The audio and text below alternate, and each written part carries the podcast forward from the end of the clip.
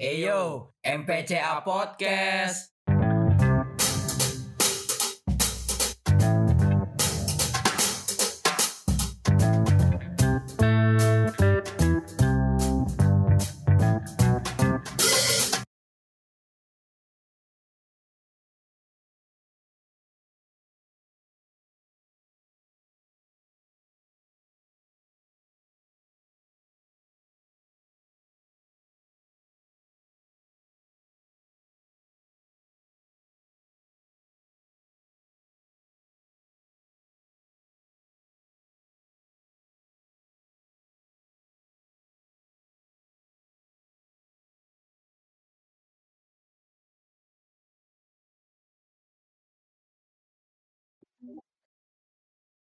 Ada suara nggak sih, Bik, kayak now recording gitu, Bik? Mmm, mhm, ada. Ada kan? Oke. Halo, selamat datang lagi dengan kami MPCA Podcast. Nih, jadi kami di sini pengen ngebawain materi tentang survival nih. Eh, di sini gue nggak sendiri, gue sama dua temen gue. Oke, perkenalan dulu. Nama gue Ngeband. Dan Ayo, perkenalan dulu temen gue. halo halo halo Ngeband. Nah, what's up guys, kenalin gue Mika. Halo, satu lagi. Halo teman-teman, nama gua Geger. Oke, oke, yeah. Oke, di sini kita pengen ngebawain materi tentang survival. Coba, Wah, gua tanya dulu. survival. Gimana nih, Dik? Eh, ya Allah, kok Ben, Ah. sorry. Bik, lo tau gak sih, Bik? Hmm? Kenapa, Bik? Lo tau gak sih, Bik, apa arti Hmm. survival itu, Bik? Wah, siapa sih orang di luar sana yang masih bingung sama survival, guys? Nah, di sini kita bakal kupas tuntas mengenai survival dan juga beberapa contohnya nih. Karena kita udah bawa si Geger nih, guys, nanti yang yang nanti bakal hak gitu ke kita atau memberikan insight baru mengenai survival. Nah, untuk teman-teman ketahui nih, ya Ben, survival ini itu adalah usaha untuk mempertahankan kelangsungan hidup dari adanya situasi yang mengancam, baik berasal dari diri sendiri maupun dari lingkungan nih. Jadi survival ini tuh da- dalam bahasa Inggris kan artinya survive nih Ben. Nah, yaudah artinya kita mempertahankan diri kita gitu Ben. Nah, jadi survival ini tuh nggak cuma terjadi di apa di di daerah yang kering aja gitu, tapi bisa terjadi di mana pun, baik di du- di gurun, laut, udara, eh, darat seperti itu Ben. Nah, mungkin gua mau ini juga ya memberikan sedikit eh, pengarahan gitu ke teman-teman dan juga ke ngeband. Kira-kira sebelum kita masuk curhatan si Geger, nah mungkin teman-teman harus kudu tahu gini beberapa faktor penyebab survival itu terjadi gitu loh. Gak mungkin kan kita survive tapi nggak ada penyebabnya gitu. Sebenarnya banyak penyebab, cuman ada beberapa gitu yang sudah kita rangkum seperti tersesat atau eh, saat melakukan perjalanan atau mengalami kecelakaan pesawat atau kapal pun bisa loh guys. Terus ada misal terhimpit reruntuhan bangunan sama hanyut, bener gak Ben? Bener banget tuh, Bik. Hmm. Nih, sama gue pengen ngasih tahu, Bik. Rupanya survival itu ada artinya, Bik. Perkata, Oh, iya? perka- perkataannya, Bik. Wah, bertahu nih gue. Apa Nih, tuh? dari dari S. Kan survival. S yang pertama itu sadarilah sungguh-sungguh situasimu. Itu S. Kalau Hmm. U untung rugi ada pada diri sendiri atau Oh. untuk tetap tenang gitu. Kalau R Hmm?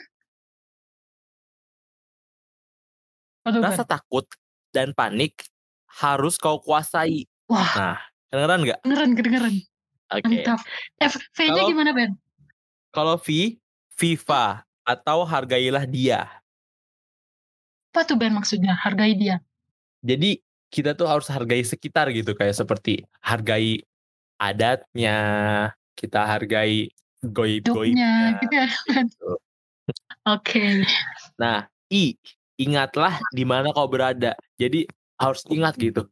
Oh, kita di sini. Oh, tadi gue nemuin ini aja. Kayak, oh tadi gue nemuin pohon ini. Eh, tadi gue Oh. nemuin Ingat doi boleh nggak Ben? Minum bahan kayak gitu. Kalau V lagi nih, vakum. Kenapa? Ingat doi boleh nggak Ben? Oh iya, I, ingatlah. V sekarang. Ingat ingat Vakum. ingat doi boleh. Kenapa? Pas ini pas survive, gue inget pacar gitu, inget inget capek gitu. Emang kamu lagi pacar ya? Oke lanjut Ben lanjut. Di keduanya apa tuh Ben? Oke, V keduanya itu apa? Vakum atau kekosongan istilah segara. Jadi gini nih, misalkan nih Bik ya, kalau Hmm. kamu lagi hilang gitu di gunung, terus kamu kayak ngelamun kan, pasti kan ngelamun kan, kayak kosong gitu pikirannya, ya kan? Oh, bener bener bener. Nah biasanya kalau kosong gitu kan pasti pikirannya udah gak lurus nih kayak udah pengen kayak mati aja gitu. Nah itu nggak boleh, nggak boleh, nggak boleh kita kayak nggak boleh melamun gitu. Itu itu nggak boleh banget tuh kalau lagi survival. Bener sih, bener banget. Lanjutkan Ben. nih, A nih sama yang tadi awal. Adat istiadat setempat harus ditiru.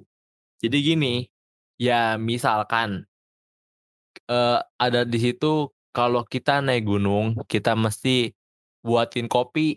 Misalkan kopi pahit tuh ada tuh adatnya di Gunung Salak Ya. itu. Kopi Oh, pahit sama rokok. Kalau eh dulu gue pernah pendakian di Salak kayak gitu. Jadi di samping tenda gue, gue kasih kopi pahit sama rokok. oh. Kalau yang nggak ngerokok gimana tuh Ben? Vape, vape aja vape. Apa? Oke. Eh, ini gue jujur ya, gue mau cerita juga. Ini gue percaya nggak percaya, tapi beneran rokoknya habis pagi-pagi. Eh, Itu rokok eh rokok dan kopinya habis pagi-pagi. Oh, Itu gue di salak salak manik. Kalau L nih yang terakhir, latihlah dirimu dan belajar. Nah, hati-hati Kayak- diri. nah, nah kayak materi navigasi darat, terus apalagi Bik? PGD. Nah, PPGD, Ya? Terus, ya bener. Nah itu sangat berguna nih di survival itu, di Oh, survival iya. ini. Wah, bener-bener filosofi banget ya Dik. Dari survival per hurufnya, per suku kata itu di hmm, diartikan dan itu kayaknya kalau dari yang gua denger penjelasan lu tadi udah mencakup semua tentang survival ya. Eh, Ben. Bener bener bener. Oke oke. Tapi by the way nih bercerita tentang filosofi, gue juga mau bawain suatu filosofi mengenai survival nih Ben. Apa tuh, gak? Nah lu tadi kan ceritain pengertian huruf dari survival itu kan. Nah gue di sini mau bawa filosofi yang apa ya? Dari mungkin ini bisa ngerangkum semua eh, kalimat-kalimat yang lu utarakan sebelumnya gitu terkait survival, yaitu metode stop. Ah, pada penasaran kan? Nah, stop ini tuh terdiri dari lima huruf nih, Ben. Tapi ada artinya setiap tuh? Aku hurufnya. baru denger. Ah, baru denger kan lu? Nah, makanya gue pintar. S. S itu stop. Nah, maksudnya apa? Nih, kita kalau misalkan lagi berada di eh, apa di alam bebas, terus kita misal nih, walau alam kita tersesat gitu ya, Ben, dan teman-teman di mana pun berada. Nah, kalian nggak boleh panik, nggak boleh langsung panik atau langsung nangis gitu kan, atau kalian malah kayak menggila. Nah, jangan, jangan teman-teman. Kita harus tetap eh, calm down dan pertama-tama yang harus kita lakukan itu adalah stop. Walaupun di real life-nya nanti kalian nggak harus langsung stop, maksudnya nggak berdiam diri gitu. Maksud maksud gua tuh ya, maksudnya ya udah kita sejenak eh, berhenti gitu. Dalam artian ya lebih ke inilah ya, secara spiritual apa sih gue ngomongnya? Pokoknya stop gitu. Terus Berdoa gitu sih? Hmm, mm, mm, bukan lebih ke berdoa gitu loh Ben, tapi misal nih kalau kita eh, lagi survive atau kita tersesat ya nggak mungkin kan kita eh, bisa ngelakuin metode stop ini karena maksudnya ini cuma semacam teori doang tapi eh, bisa gitu diterapkan. Ah, gue ngomong apa sih belibet pokoknya dengerin aja Ben pengertiannya. Oke, Jadi yang sekarang T-nya stop. apa tuh? T, T itu thinking. Nah, setelah kita berhenti nih, kita mengal- menghalam- mengalami bahaya kan. Setelah kita stop, kita thinking dulu, kita pikir, oh ini apa nih kejadiannya gitu. Kita nggak boleh langsung panik, kita harus memikirkan apa sih yang terjadi dengan gue, gue lagi apa gitu. setelah kita Oke. pikirkan sebenarnya apa sih yang what happened yang sedang terjadi gitu kan. Langsung lah Oke. kita tahap O. Nah, O ini tuh artinya observe Ben. Observe itu maksudnya memperhatikan. Wah, kita observasi nih. Kita udah pikir, kita udah stop tadi kan. Kita tersesat, yaudah stop. Oh, gue pikir, wah kita tersesat nih. Kita sudah berpikir. Terus kita observe. Kita observe ke sekeliling. Apa aja sih yang ada di lingkungan kita, di sekitar kita, tempat kita survive tadi. Terus kita amati kira-kira apa aja yang bisa kita manfaatkan mungkin atau apa aja yang bisa kita lakukan. Nah, di situ kita mulai memikirkan cara-cara gitu, Ben. Nah, selanjutnya baru deh masuk ke P yaitu planning. Nah, di sini kita memplanningkan. Setelah kita amati lingkungan, kita planningkan. Kita harus melakukan apa supaya kita bisa escape, bisa keluar dari zona tidak nyaman ini gitu. Biar, biar kita keluarnya bisa hidupnya Bik. lebih enggak sih. Ini mah cuman teori doang sih Ben, tapi dalam kehidupan nyata eh, ini bisa diterapkan gitu. Tapi dalam Bisa artian nggak harus mm, nggak harus stop dengan ya udah stop selama berjam-jam terus kita berpikir juga dua jam nggak gitu juga teman-teman. Kalau kalau kayak gitu mah keburu dimakan macan ya enggak? Iya makanya oh, keburu makan macan. Jadi harus ya gitulah. Kalau kita Nih, Bik. arahkan ke teori jadi gini dia. Nih Bik, kalau kamu survival, itu tuh rupanya itu bahayanya tuh bukan dari lingkungan aja Bik. Oh ya? Bisa dari apa jatuh Ben? Iya, jadi tuh bahayanya ada dua. Satu, objective danger. Dua, yang kedua, objek objek objective danger. Yang pertama itu dari kita sendiri. Kayak kita tuh takut gitu. Oh Tahu iya iya. Kayak kita kita takut. Terus kita salah memilih alat pas di bawah. Kayak harusnya kita bawa tali prusiking eh a- eh awalnya kita bawa tali tambang kita malah bawa tali sepatu kan itu kan salah Ya. Allah itu salah besar anjir. 100% salah. Yang kedua dari lingkungan nih potensi Dari lingkungan. bahaya yang nggak bisa kita kendaliin kayak longsor, ada macan, ada setan itu kan termasuk tuh. Oh iya iya iya benar benar benar. Terus nih, oh ya nih kan tadi kan bahayanya. Aku Hmm. pengen ngasih tahu juga hal-hal yang dihadapi pas survival kita itu ada apa boleh tuh Ben. aja sih. Pak dikasih tahu ke teman-teman di rumah. Oke, oke, oke. Kalau yang pertama, satu tuh psikologis. Kayak dari paniknya kita, cemasnya kita, bingungnya kita. Kan tadi juga udah dikasih tahu oleh Bika nih, kita harus stop, berhenti dulu untuk tenangin diri kita sendiri. Nah, stop itu, eh, stop itu untuk meredakan dari paniknya, cemasnya, bingungnya, gitu, gitu, Bik. Jadi semua nyambung gitu. Oh iya iya iya benar benar benar. Mulai nangkep nih gue artis top tadi. Nah, yang kedua, fisiologis. Psikologis. kayak sakit, lapar, haus, lelah. Nah itu juga masuk nih Bik, ke stop itu Bik. Kan pas stop itu Oh. kita berhenti, kita berpikir, kita mengamati, kita merencanakan. Ya kita berpikir nih, oke, gue di daerah tropis, apa sih makanan yang bisa gue ambil? Ubi-ubian apa sih yang gak beracun? Kayak gitu Bik. Hmm benar benar benar. Ini yang ketiga, lingkungan. Nah lingkungan itu kayak lingkungannya panas, atau dingin, atau lembab, atau kering, atau banyak angin. Itu kan juga menghambat kita tuh. Ah iya benar benar benar. Kalau misalkan cuacanya Nah apa gitu ya? segitu aja Bik, kalau dari aku Hmm. Bik. Kalau dari kamu apa lagi Bik? Oh iya. Iya nih Ben. Nih, tadi kan lu udah ngutarain uh, ini ya bahaya-bahaya uh, masalah yang sering dihadapin dalam survival itu ada tiga. Nah sekarang pertanyaannya nih, pertanyaan mendasar dari survival itu sendiri. Kita kan udah tahu bahaya-bahayanya. Nah terus apa aja sih yang perlu kita butuhin untuk bisa survive? Ya gak sih Ben? Oh Gak mungkin dong kita tahu teori doang nih. Kita udah stop misal.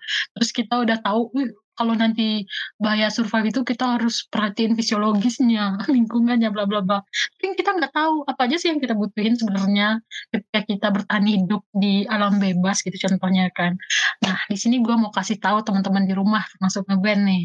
Yang pertama yang harus kita yang kita butuhin itu adalah sikap mental positif. Nah, it mean ya kita harus positif kita nggak boleh bernegatif thinking kita tidak boleh macam-macam gitu ya pikirannya. Kayak pas menghadapi uh, situasi survive kita tuh ya udah ya Allah gue mati aja gitu-gitu. Nggak boleh ya karena uh, eh, gue pernah nonton film juga ya kalau nggak salah judulnya apa ya Ben? Gue lupa. Yang itu yang di padang pasir itu lu tau nggak judulnya apa? 127 jam ya kalau nggak salah. 124 127 hours Ya, 127 jam kan. Nah, itu dia ceritanya benar-benar menginspirasi nih teman-teman. Boleh nih teman-teman di rumah nonton ini recommended dari kita dan filmnya uh, dapat banget gitu cara dia untuk survive dan di situ kelihatan banget apa yang salah dan apa yang benar gitu dari cara si aktor ini uh, ngemer ngemer ya gitu pokoknya. Oke, yang kedua nih teman-teman apa aja yang kita butuhin ketika bertahan hidup itu adalah udara. Nah, kalau nggak ada udara ya mati dong. Jadi kita harus cari udara yang carilah tempat ketika kita mau survive itu carilah tempat yang uh, udaranya cukup gitu ya. Jangan pilih yang pengap atau gimana. Terus yang ketiga perlindungan atau shelter. Nah, seperti apa ya? Tenda, sheet. Nah, itu masuk ke pelindungan nih, teman-teman.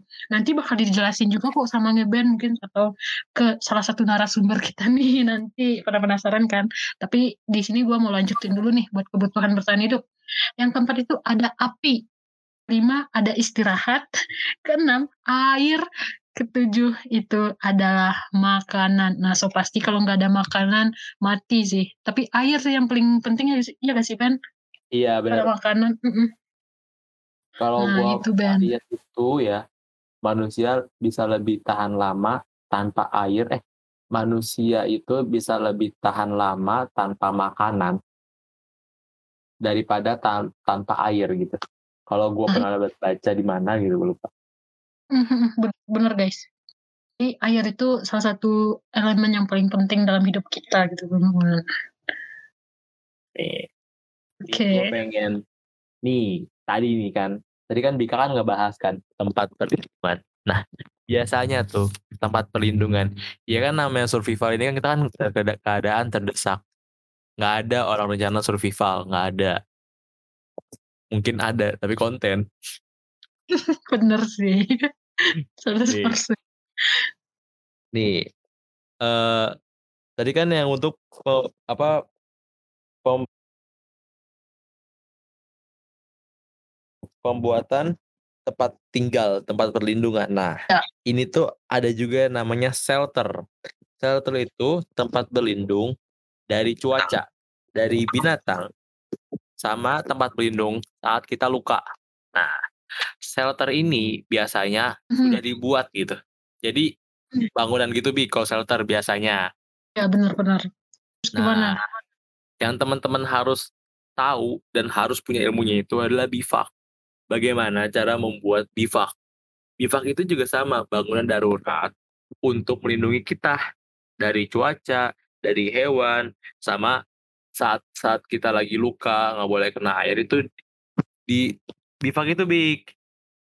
Oh, jadi kalau orang survive itu biasanya pakai bivak ini ya, Ben? Ya, nah bivak itu ada dua, bivak alam sama bivak buatan. Oh, Bivak alam itu yang kayak atasnya itu ditutup pakai daun-daun gitu, kayak daun pisang atau daun kelapa gitu. Oh. Kalau bivak buatan itu dari ponco. Lu tau ponco nggak? Ponco, ponco itu yang jas hujan gak sih? Nah, ponco itu jas hujan tukang ojek tuh, yang panjang. Itu oh, yang kelelawar. Itu kalau dilebar kan kayak tenda tuh, ya kan? Iya iya iya, Gitu. Nah, sama tadi gue pengen nambahin nih, tadi Bika, mencari makanan. Nah, mencari makanan itu kita juga harus tahu, dan kita juga harus bisa membedakan, mana yang beracun, mana yang enggak. Di hewan juga sama, ada hewan yang beracun, ada hewan yang enggak. Kita mencari air juga sama. Ada yang sudah tercemar, sama yang udah enggak. Gitu, Bik. Ah, boleh di ini enggak, Ben? Gue kurang paham nih sebenarnya buat yang mana Kalau yang kita nyari mana kayak yang enggak. kita cari makanan. Hmm. Kenapa?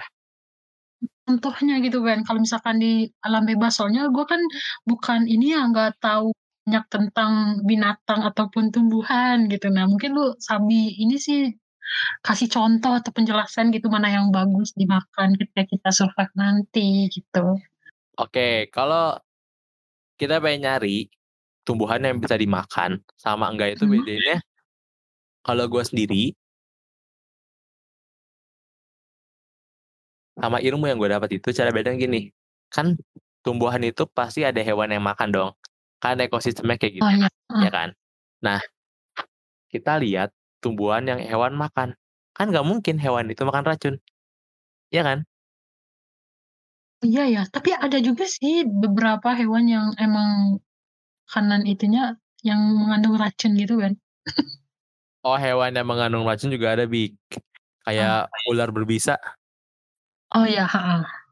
Nah, bisanya aja bisa mematikan kita dengan gigitan di dengan gigitan dia, apalagi bisa kita makan, Bener bener bener banget. Ya kan? Oh, jadi kalau yang mengandung racun itu Nah. kita nggak boleh makan gitu ya, Ben. Tapi kalau yang Nggak boleh em, dong. kalau belalang, belalang beracun nggak sih, Ben?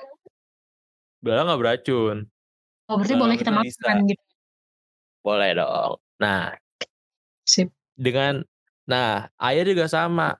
Kalau ngelihat ada genangan air dan kita lihat ah jernih dan ada hewan-hewan yang hinggap, kayak misalkan ada yang ada kucing hutan yang minum, kita lihat dari jauh, oh itu diminum berarti itu udah pasti aman.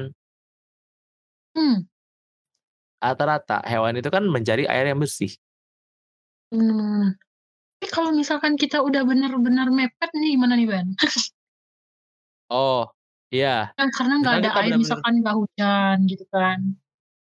benar-benar mepet. Kita ting misalkan nggak ada hujan juga, juga ya. Kita Hmm. bisa nih cari eh, tumbuhan-tumbuhan yang mengandung air. Oh, bisa ya, Ben? Tahu gue. Kayak kantong semar. Itu kan ada airnya tuh. Iya, iya, bener, Nah, itu bener. nah itu sama pernah lihat kan kayak pohon yang ada akar-akarnya gitu. Yang di atas gitu. Nah, mhm, mhm, mhm, tahu, tahu. Nah, itu juga ada airnya. Jadi kalau kita potong itu keluar air, Bik. Oh, I see. Wah, mantap. Tapi kalau misalkan nih, Ben, karena panas nih ya, ini kita juga nggak tahu ya. Nah, tumbuhan ini tuh kayak kering semua gitu, Ben. Gimana tuh cara dapetin airnya tuh, Ben? Ki- Dapetin airnya kayak gitu. Mhm. Kita kita cek dulu tas kita ada air apa enggak. Oke, terus terus gimana, Ben? Kalau melalui ini, Ben, gua sebenarnya rada masih curious juga sih sebenarnya, penasaran sama teori yang pernah gua dengar juga sebelumnya. Katanya ketika kita berada di alam bebas dan kita nggak apa ya peluang untuk mendapatkan air bersih itu kecil dan kita nggak at least misal kita nggak pernah gitu nggak bisa dapetin air kita bisa menggunakan sistem penguapan gitu loh Ben. Lu tau nggak caranya gimana? Gue bingung sih di situ Menggunakan apaan, Bik? penguapan penguapan gitu loh gue juga bingung Oh. sih hmm, Opong opong wapan gitu, gue paham. Jadi ya, ah, itu gimana tuh Ben gini, Bik nih. Kan tumbuhan itu menguapkan, Bik. ah, ah, ah. dia respirasi gitu ya fotosintesisnya Nah, Hmm. dia respirasi. Nah, ketika pagi-pagi kan lu suka ada uap air kan, embun air gitu kan. Embun uap. oh dari tumbuhannya ya Nah, iya. Jadi nih, Bik ya. Tumbuhannya itu kita plastikin, Bik.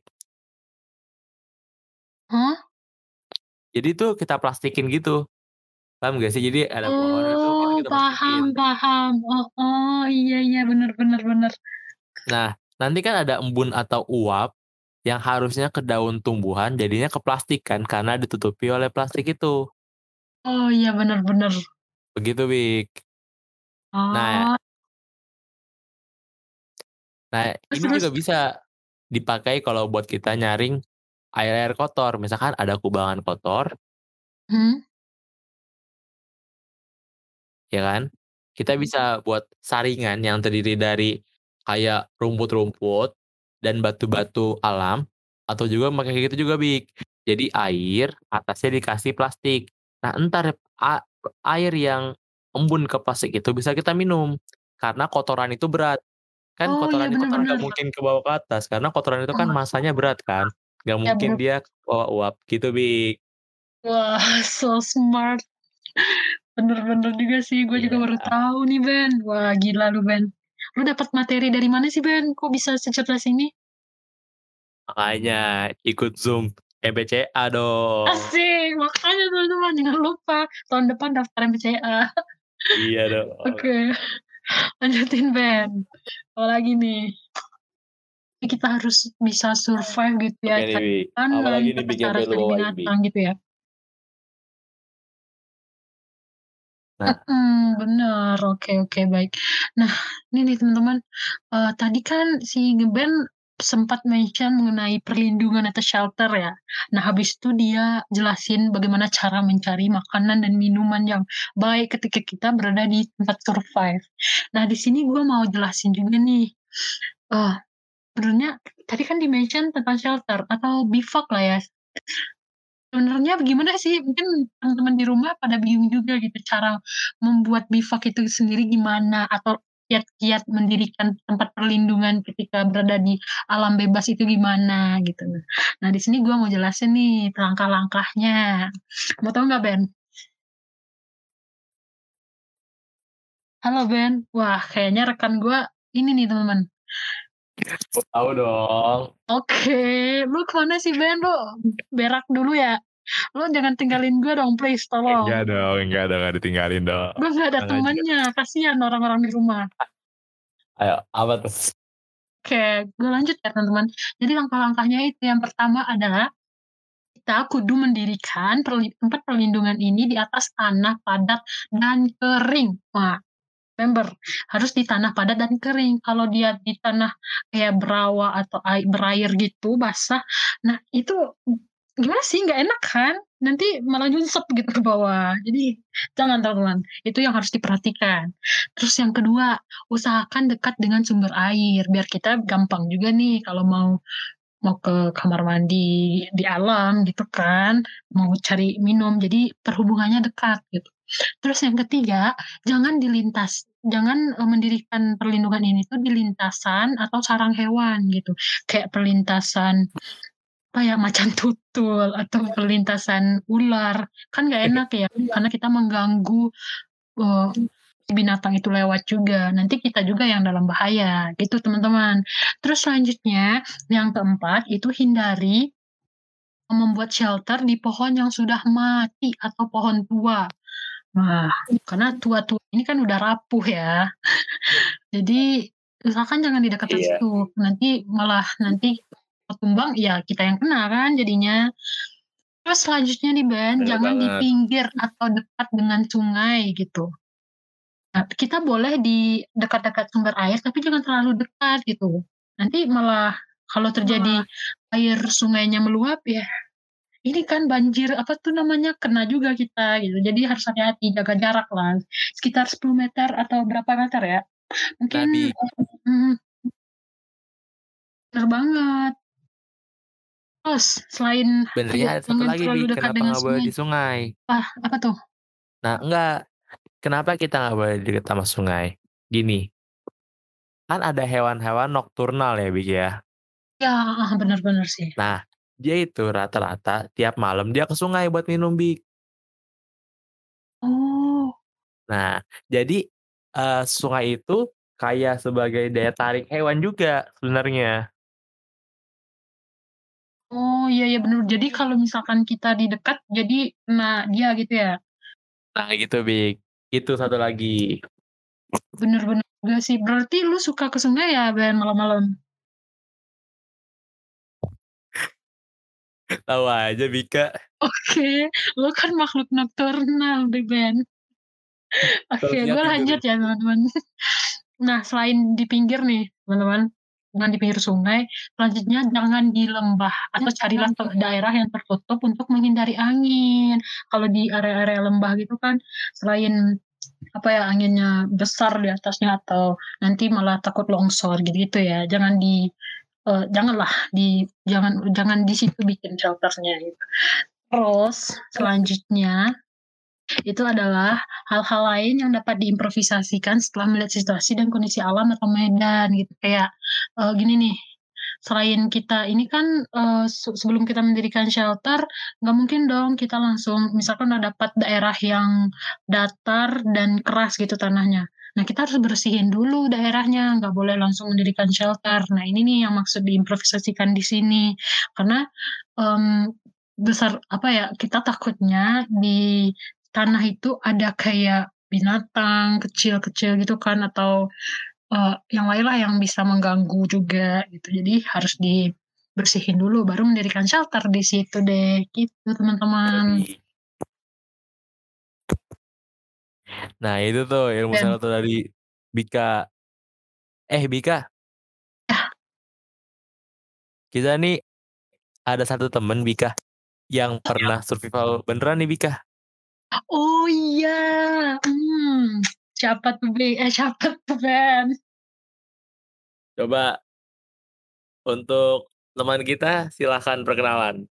Ah, saya hai dulu nih, Ger. Ger. Halo, Ger. Ah, ini lagi menyambungkan nih, Ben. Bentar bentar, kayak bisa diedit. Geger. Iya, halo teman-teman. Ya Ger, lu tidur Ger. Wah, lu denger kita ini ya ngedongeng. Enggak, enggak. Ayo. Tadi nyambungin. Ini Geger nih teman kita. Coba dong Ger, perkenalan diri dulu dong Ger. Ya, eh, kenalan apa nih? Nama aja ya. Ya Ger, it's okay. Eh, jadi eh, per- perkenalkan teman-teman nama saya Geger. Geger. Oh, Ya. geger. Geger ya, Geger bukan Geger ya. Geger otak dong ya nanti di itunya Iya, kok spekulasinya tuh. Oke, unik sekali ya teman-teman di rumah nama narasumber kita satu ini. Wah, Gimana nih? Dengar Ben? Masih di situ gak? Halo Mas Oh, ada. Nih si Geger udah eh, Geger lagi. Adi dong. Geger, geger. Halo. Si Geger udah siap nih. Mungkin kita tanya kabar dulu kali ya. Soalnya dia dari tadi kayaknya ketiduran nih dengerin kita eh, ini curhat kayak ngedongeng anjir. Halo Geger. Apa kabar nih Geger? Alhamdulillah baik.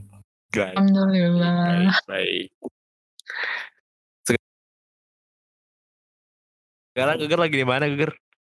Lagi eh lagi di Bogor nih. Ah, lagi di Bogor. Oh, di di rumah lu ya, Ger? Mm, Lagi di kontrakan sih lebih tepatnya. Di Oh, lagi kontrakan. kontrakan. Iya. Ayo dong Ger, Oh, ini- ceritain nih.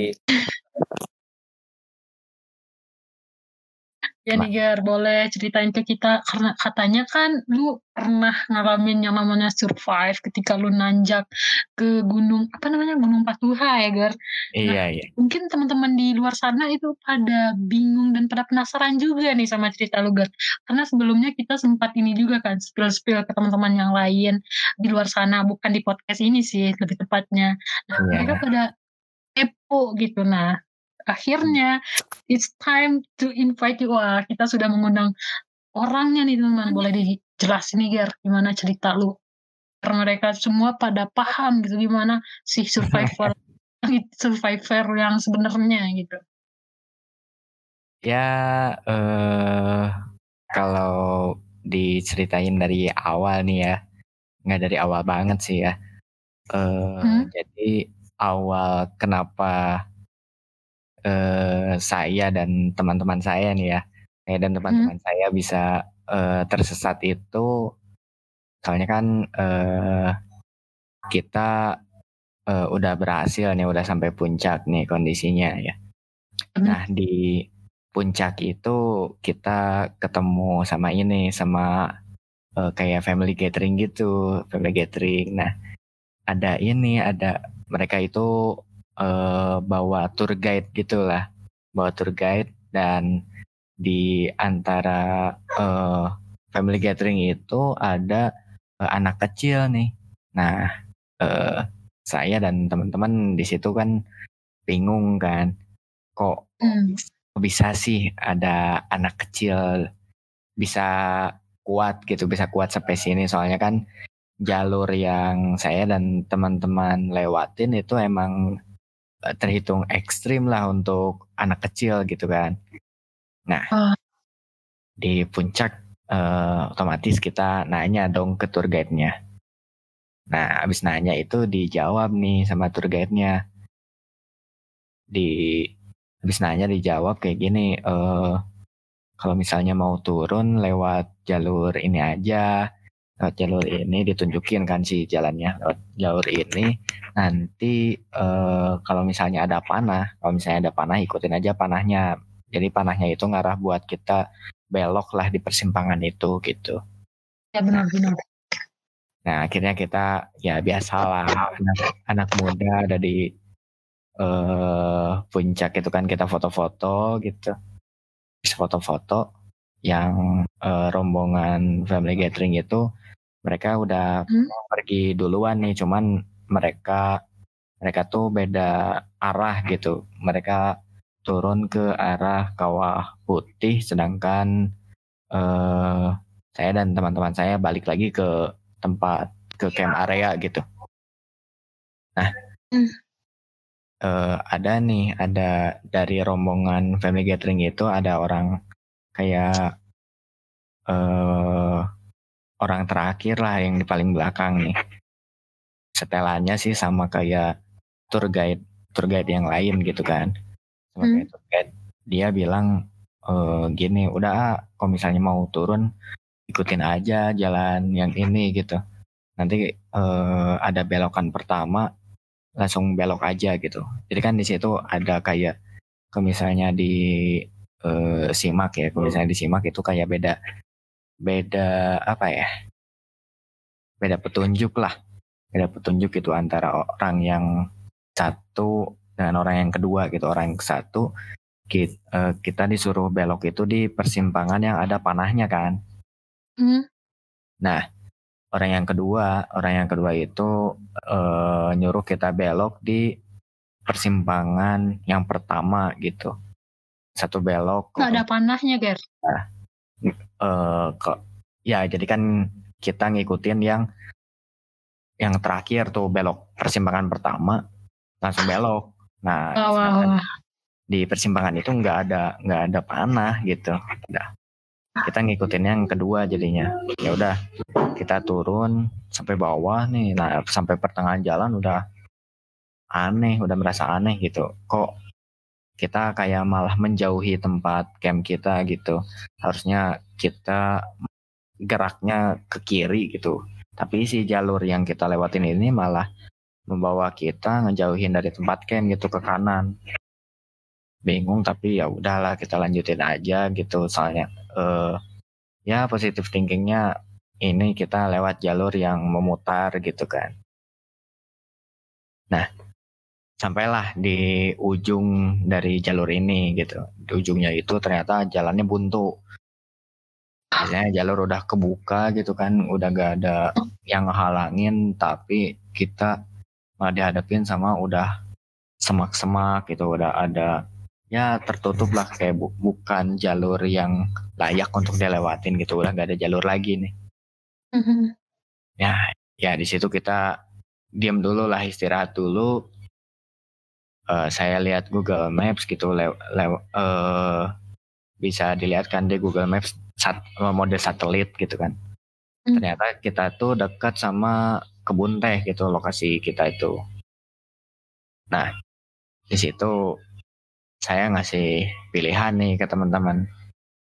Ma, kita mau balik lagi ke atas terus turun lewat jalur yang sama gitu sa- saat kita muncak Hmm. atau kita eh, nerabas hutan nih mau kita mau nerabas hutan nanti nembusnya ke kebun teh itu berdasarkan yang saya lihat ya di Google Maps gitu nah ya dari hasil voting gitu bisa disimpulkan lah kita eh, yang menang itu milih nerabas hutan gitu soalnya Ya. dari jarak dari jarak juga lebih dekat dan kondisi itu kondisi saat itu kita cuma nggak bawa peralatan gitu nggak bawa peralatan. Kita cuma bawa eh, air mineral gitu air mineral eh, botol yang ukuran 1,5 liter dan sisanya juga udah setengah lagi gitu. Di situ Hmm. kita ada empat orang cuma bawa air segitu gitu ya selama perjalanan eh, jujur saya sendiri have fun aja. Have fun. Biasa belum saya belum merasa eh, saya itu tersesat gitu. Saya masih eh, saya yakin ini ya udah biasa aja gitu jalan. Bakal berjalan dengan lancar begitu. Oh, tapi berdasarkan petunjuk si Google Map itu udah bener eh, Ger? Katanya apa gimana? Eh, ya kalau misalnya berdasarkan Google Maps kan kita eh, kalau misalnya Google Maps yang di jalan kan itu udah ada jalurnya kan dikasih tahu Ah. jalurnya di sini. Tapi kalau misalnya di hutan kan di hutan udah gak ada jalan lagi kan. Hmm. jadi ya ambil yang terdekat aja. Kan saya di situ lihat eh, mode satelit nih bisa ngebedain nih antara hutan atau kebun teh gitu. Kelihatan kan ada kebun teh ada hutan ada jalan gitu saya di situ ngambil yang terdekat gitu ke kebun teh gitu. ya udah kita jalan aja nerabas hutan gitu gila. Ham- udah hampir sampai ini kiraan ya 100 sampai 200 meter lagi nyampe kita malah ketemu lembah gitu nah di Hmm. situ situ kita bingung mau gimana ya teman-teman saya malah nanya ke saya gitu ini mar eh ya ini gimana? gitu. Kita, Iya, iya. kita mau gimana? Mau balik lagi? Kita nggak tahu tadi kita lewat jalan yang mana soalnya kan kita nerabas jalan gitu. Nggak nggak lewat jalan jalur biasa gitu. Bekas-bekasnya nggak tahu kayak gimana gitu. Aduh, ya aduh. udah kita ya udah kita melipir aja melipir lembah sambil turun dikit-dikit. Soalnya kan eh, kalau ke seberang lembahnya itu emang dekat gitu cuman dalam gitu si lembah itu eh, sulit sulit buat dilewatin lah gitu Ger, ger, ger. Iya kenapa Ben Eh, lo di posisi itu ada gak sih pasrah gitu, ger? pasrah Iya, gue juga mikir gitu ya Allah. ya gimana ya kalau eh saya mikirnya gini sih. Eh kalau misalnya dalam kondisi tersebut saya pasrah gitu ya saya gak akan ke mana-mana gitu. Tiap eh kalau misalnya pasrah saya cuman diem aja di situ saya gak akan ke mana-mana dan saya gak akan keluar dari hutan tersebut begitu. Nah tapi kalau misalnya saya berjuang dari ya saya berjuang gitu keluar dari hutan tersebut ya ada kemungkinan ada kemungkinan untuk saya selamat gitu. Dalam kondisi tersebut ya. Itu. Ya udah da- jadi dari situ saya dan teman-teman lanjut aja jalan gitu. Melipir lembah sa- sambil turun lah dikit-dikit gitu. Dan ternyata lembah itu di bawahnya kalau berdasarkan Google Maps itu sungai tapi kondisinya kering gitu. Kondisi yang eh, terjadi saat itu gitu. kering sungai kering. Ya udah eh, lanjut. Kita eh, nyusurin sungai sampai ketemu. Jadi selama perjalanan kita nemu kayak air terjun gitu. Awalnya setengah meter satu meter lama-lama makin tinggi nih. Kita loncat loncat tapi yang terakhir yang terakhir tinggi banget. Ya kira-kira 3 meter lah. 3 meter lebih tinggi dari saya sendiri gitu. Mulai bingung di situ mau ke mana gitu. Tapi lihat ke pinggir oh ini bisa bisa dinaikin gitu. Soalnya kan posisi di situ lembah. Ya udah naik dan baru nyampe atas ternyata bukan dataran lagi. Ternyata ada lembah lagi di depannya gitu. Oh my goodness. Ini ini beda lagi, bukan lembah. Lembah kan yang tadi bawahnya itu sungai kering ya. Tapi kalau ini sungainya ada airnya gitu, ada suaranya. Emang kalau didengar dari suaranya ya emang deres gitu sih airnya itu. Nah, baru nyampe atas lagi kondisi langsung hujan di situ. Udah mulai bingung, pasrah, tapi harus lanjut tapi bingung juga gitu kita mau jalan ke mana gitu mau turun takut kita malah ke bawah arus soalnya kan kita nggak tahu itu Hmm. sungainya eh, segimana gitu soalnya nggak terlihat juga banyak pohon-pohon di bawahnya curam Oh iya, Gar, Gar. Itu kira-kira kalian eh, dalam perjalanan udah berapa ini, Gar? Udah berapa jam? Kira-kira? eh kita perkiraan eh, berjalan jalan itu sekitar dua jam atau tiga jam gitu jalan Oh, tapi untuk persediaan ini masih banyak lah ya minum gitu. ya persediaan jadi selama perjalanan itu entah kenapa kita nggak nggak ngerasa haus gitu nggak ada yang minum selama perjalanan Gila. Eh, lanjut, Gar. nggak tahu kenapa nah berarti sih sam- udah sampai di atas udah sampai di atas kan? Nah bingung. Pas lihat HP kebetulan Hmm. ada sinyal nih ada sinyal. Ya udah eh, saya bilang ke teman saya eh, ini aja coba chat eh, salah salah seorang lah yang bisa dipercaya gitu. Eh tapi jangan deh jangan chat seorang gitu chat ke ini aja lah ke grup. Takutnya orang itu gak percaya atau lagi off atau gimana kan banyak kemungkinan gitu kan. Bener-bener. ya udah ke grup aja. Tapi eh abis bilang ke grup nih kan awalnya teman-teman saya nggak percaya tuh yang di grup. Ah masa sih nyasar gitu kan. Tapi udah beberapa menit nggak ada kabar lagi kan dari kita soalnya sinyalnya juga emang kadang ada kadang enggak gitu. Ya akhirnya salah satu teman saya ada yang kontak ke tim SAR mungkin dia juga ngasih nomor telepon kita gitu salah salah seorang. Dan dari tim SAR itu eh, nelfon ke kita gitu. Nanyain kondisi kita bagaimana eh, lokasi kita ada di mana. Kebetulan di situ kan saya nggak tahu lebih tepatnya gitu titik koordinat saya ada di mana gitu.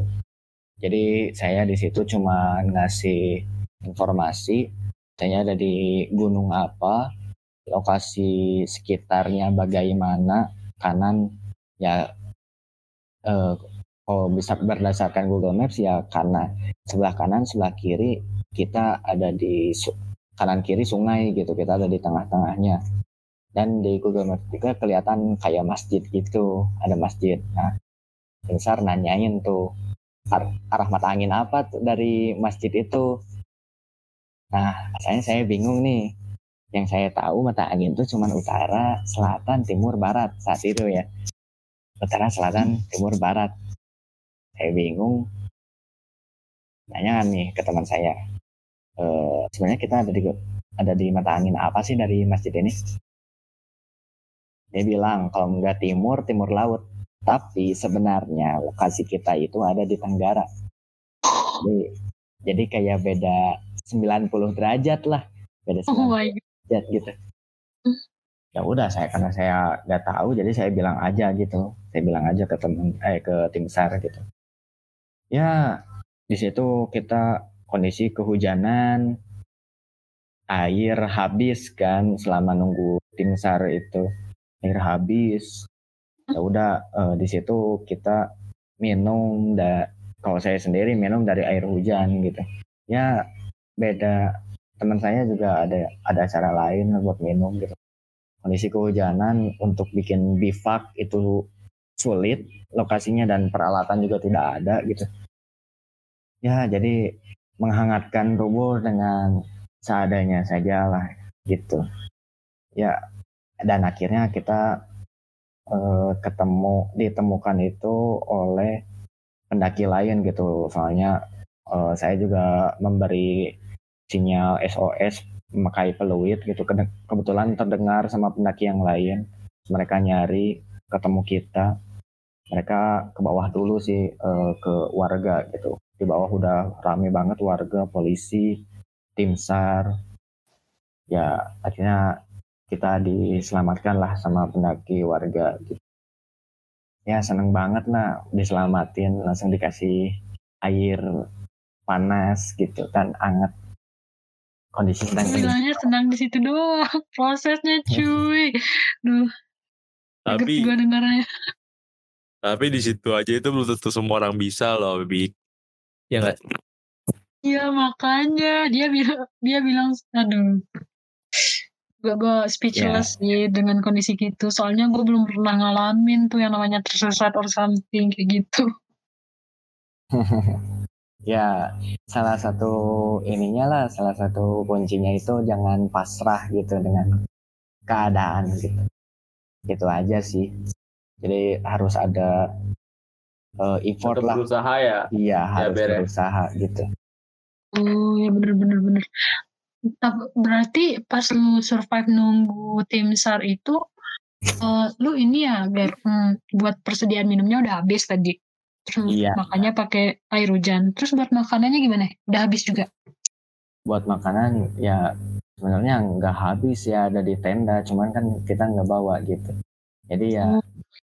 sebenarnya dalam kondisi kayak gitu ya kalau saya sendiri di otak saya cuman berpikir gimana saya selamat dari sini? gitu. Jadi nggak kepikiran tuh yang namanya lapar dan lain-lain gitu. Itu berapa lama tuh eh, Ger nunggu tim sar?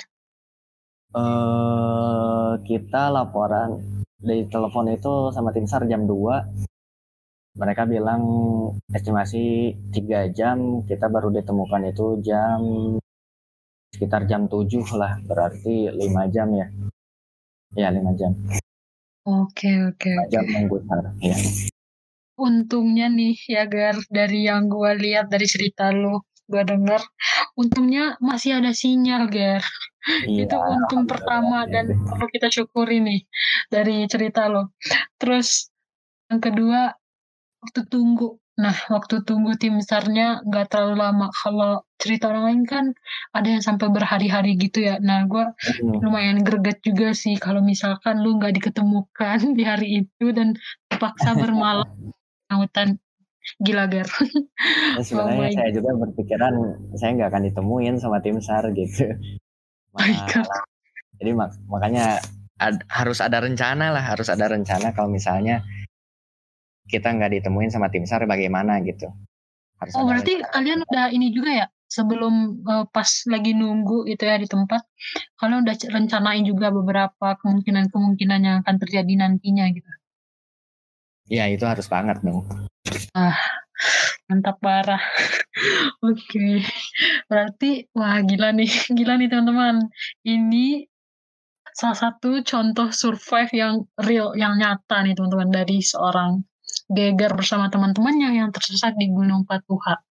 Nah, mungkin nih cerita dari Geger tadi eh, lumayan lama dan tapi wah semoga teman-teman di rumah nih mendapatkan insight baru dan pengalaman baru dari eh, cerita yang sudah diceritakan sama Geger tadi. Nah kita mau ini nih Ger kalau dari kita mungkin lu bisa kasih tahu nih ke teman-teman di rumah kira-kira apa aja sih yang perlu kita siapkan mungkin dari rumah eh, kayak pra mau nanjak gitu ya.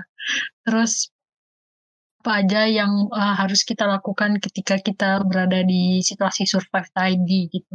Mungkin di lu tadi ada beberapa yang kurang mungkin sehingga lu bisa tersesat gitu harusnya kan kalau kita benar-benar ada ada persiapan yang matang dan jalur yang benar-benar kita sudah pahami insya Allah kita nggak bakal tersesat gitu ya nah mungkin lu bisa Sabi nih biar kasih tahu ke teman-teman.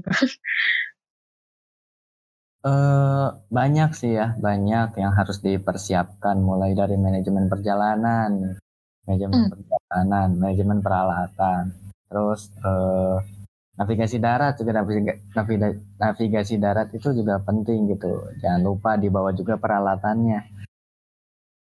Eh, ada banyak lah eh, peralatan peralatan peralatan yang wajib kita bawa terus ada juga beberapa eh, materi yang harus kita pelajari gitu agar tidak terjadi gitu seperti saya tadi gitu soalnya kan saya emang banyak lah kesalahan-kesalahan saya kenapa bisa saya, kenapa makanya kenapa saya bisa seperti itu gitu Ah ya bener bener bener. Oke, terus ada pesan gak nih Gar untuk teman-teman selain mempersiapkan materi-materi tadi? Ya untuk teman-teman yang eh, mau muncak atau hobi berkegiatan di alam, jangan lupa peralatannya tetap dibawa. Dan jangan lupa uh, pelajari uh, apa ya pelajari ilmu-ilmu yang uh, ilmu-ilmu yang bisa dipakai gitu. Ilmu-ilmu tentang berkegiatan di alam gitu. Soalnya itu sangat uh, bermanfaat gitu ketika kita berkegiatan di alam bebas. Mungkin itu aja. Contohnya survival ini kan Gar? Iya tentu aja. Bener-bener oke nih tuh. terus ada tambah lagi nggak Ger untuk teman-teman di rumah? Siapa tahu lu mau masih bercerita or something. Udah cukup sih Bika Oke, mantap gila teman-teman. Gimana nih perasaannya setelah mendengar cerita dari seorang Geger bersama teman-temannya yang sempat mengalami situasi survive, teman-teman. Walaupun ini cuma beberapa jam doang, hitungan jam dan jarak yang lumayan jauh dan apa ya mungkin Geger ngerasain uh, ini pertama kali gitu tapi buat kalian yang belum pernah ngerasain gimana nih ayo nah pasti pada ini kan gue aja yang denger ngeri juga gitu karena belum pernah ngerasain nih teman-teman. Jadi uh, apa ya important yang perlu kita perhatikan gitu untuk uh, sesi kali ini di materi survive kalian harus always siap harus prepare secara matang gitu teman uh, perjalanan saat perjalanan ataupun pasca perjalanan. Itu harus disiapkan semuanya teman-teman. Dan juga lupa dong materinya terlebih materi survive ini. Karena kita nggak tahu kapan kita bakal tersesat. Karena ini who knows ya. Kita nggak tahu. Contohnya kayak Geger dan teman-teman. Karena dia cuma ngikutin uh, instruksi apa ya informasi-informasi dari orang-orang gitu kan ternyata salah gitu. Nah, kalian harus persiapan, persiapkan itu dari awal-awal teman-teman. Jadi nanti pas di perjalanan kita nggak butuh lagi tuh yang namanya uh, nanya-nanya atau gimana. Mungkin nanya-nanya boleh lah ya sekali. Tapi kita harus pastikan dulu fakta dari ini tuh benar gak sih gitu, jalurnya benar gak sih. Nah, Terus selain itu uh, kalian harus tetap tenang juga nih berdasarkan cerita dari Geger tadi terkait perjala uh, pengalamannya untuk survive nih ketika nanjak. Kita harus tenang teman-teman jangan panik. Terus kita harus tahu harus bisa menentukan planning planning-planning kita ke depannya. Sesuai nih, kalau menurut gue ya si Geger sama teman-temannya udah menerapkan yang namanya filosofi stop tadi teman-teman yang sudah dijelaskan sama gue dan si ngeband. Nah, Ya kita nggak boleh panik teman-teman. As always kita harus ingat Tuhan dan uh, kita harus tetap optimis Pak uh, bahwa kita akan selamat dari situasi survive ini gitu. Nah, apalagi nih mungkin gue panggil ini dulu kali ya si Ngeben kira-kira dia mau menambahkan sesuatu or something. Boleh nih. Hai Ngeben lu masih di sana gak masih dong. Kalau kata gue sih gimana? ya. lu tidur gak ya? Lu tidur gak ya? Enggak dong, tapi gue dengerin seru banget ceritanya. Makanya gue video.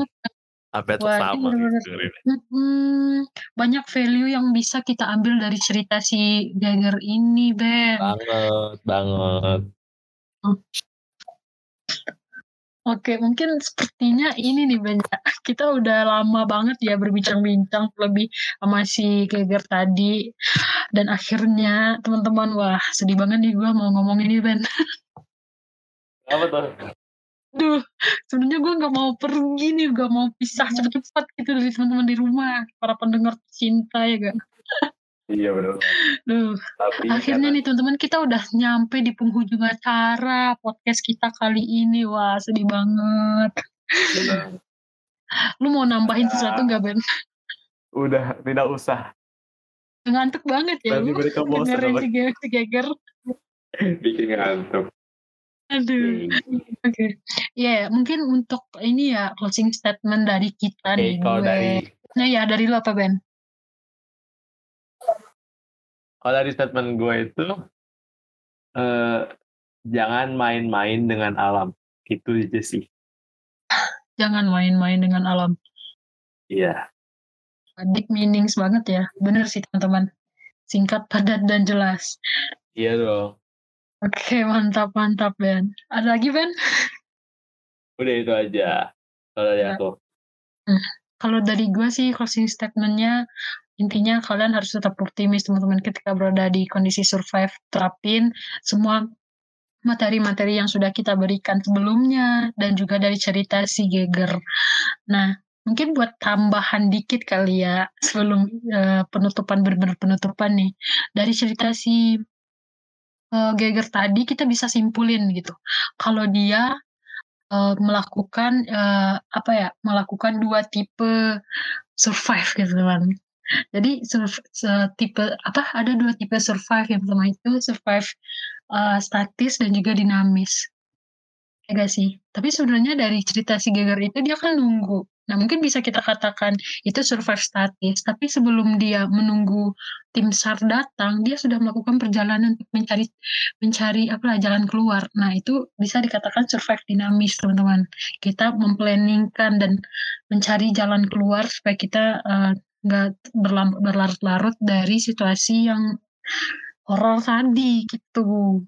Nah mungkin itu aja sih teman-teman untuk ta- sebagai tambahan perintilan-perintilannya gitu. And yeah, the last I say thank you very much for you all yang telah Wah, mendengarkan banget, kita.